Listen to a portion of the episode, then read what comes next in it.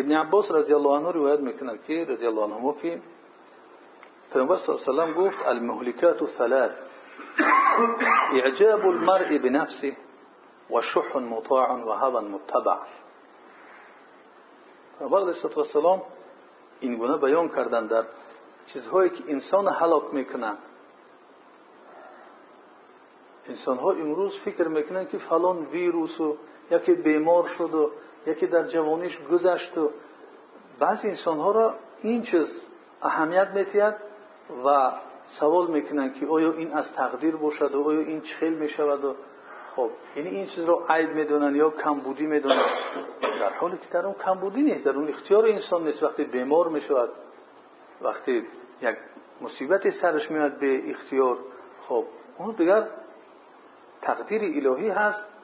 انسان زن خلق کردن مرد خلق کردن قد بلند و قد پس بیمارش کردن صحت نگه داشتن فربه و خلق اینو همه چیزهایی هستن که چی است به انسان علاقه ندارد خب گرچنده که مسئله فربهی را این دیگر چیز است اگر انسان اهمیت بده ولی مسئله های دیگری که در انسان یعنی قدرت نیست که اونها را تغییر بتید نمی‌توند انسان خب جاهایی که اجازت دادن مرد و زن و دیگر و دیگر اونها خودشون جنسشون تغییر دادن نمی‌تونن به حقیقت.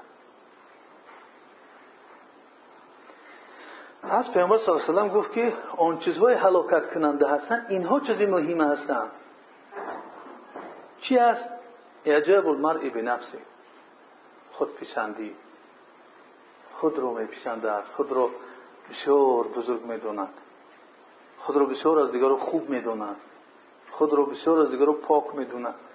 یعنی در حالی که همه الحمدلله برادری تو هستن برابری تو هستن. چه خود از دیگر رو بالا می‌دونی یعنی اعجاب داره.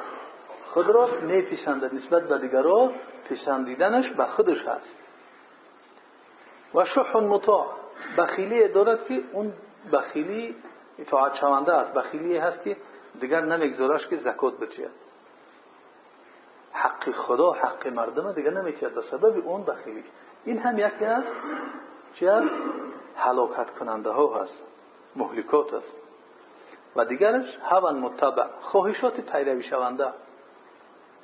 می‌خواهد که دزدی کند می‌رود دزدی مینه. می‌خواهد که پاره بگیرد میرد پاره می‌گیرد. این کسایی که مثلا پاره می‌گیرن این کسایی که حقی مردم در بزرگ و در زفرف کو می‌زنن این هوا متبع هست اما هوا خواهیش اونها رو میگه که این کار رو بکن. از ده تن بنزین یک تنش اکنام کن. هواش همین رو میگه. در حالی که او حق مردم است. خیلی حق مردم می‌گیری امانتش می‌تونی که امانت ادا بکن امانت ادا. هوا متبع. در حلاکتگاه هست پس ببینید جامعه ما چقدر در هلاکتگاه ها گشته ایستاده جایی که هلاک می‌شوند. کی پای نجات اینها کوشش می‌کند؟ کی غم اینها را می‌خورد؟ کو غم خود انسانی که تنها غمی خودش می‌خورد اون انسانی هست که یک ببینید به منزله انسانی هست که جز پیشی پشت جایی را نمی‌بیند. وقتی بالاتر رفت این خانه را از بلوش همش می‌بیند. کو کوچه را همش می‌بینه. با بالاتر رفت شهری دشنبه همش می‌بینه. بالاتر بالاتر چقدر بالا رفت؟ تمامی چیزها را چکار می‌کنه می‌بینه. اون انسانی که قلبش پاک و ایمانش بلند شد تنها غم خود چه نمی‌خورد اینقدر ببینید چقدر ایمانش بلند شد جایی را می‌بیند غم آنها را می‌خورد پیامبر صلی الله علیه و سلم بهترین نمونه بود در قله بلندترین برآمده بود که همه جهان همه انسانیت را این سجینه تا روز قیامت فکر اندیشه می‌کرد.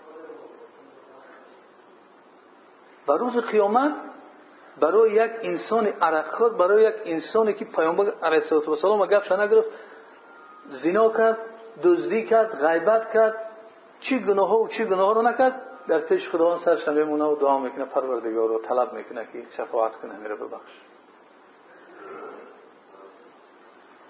پس تصور بکنیم که این گونه اخلاق در ما هست این گونه رفتار در ما هست وقتی که نیست قلبهای ما بیمار. او کسی که نباشد در کدوم سین سال عمری نباشد در کدوم سطح علمی نباشد فرق نداره. بیمار است. وقتی جز غمی خود غمی دیگر را نداره. پیامبر صلی الله علیه و برای غم مردم خوب نمی‌کرد. برای غم امت خوب نمی‌کرد.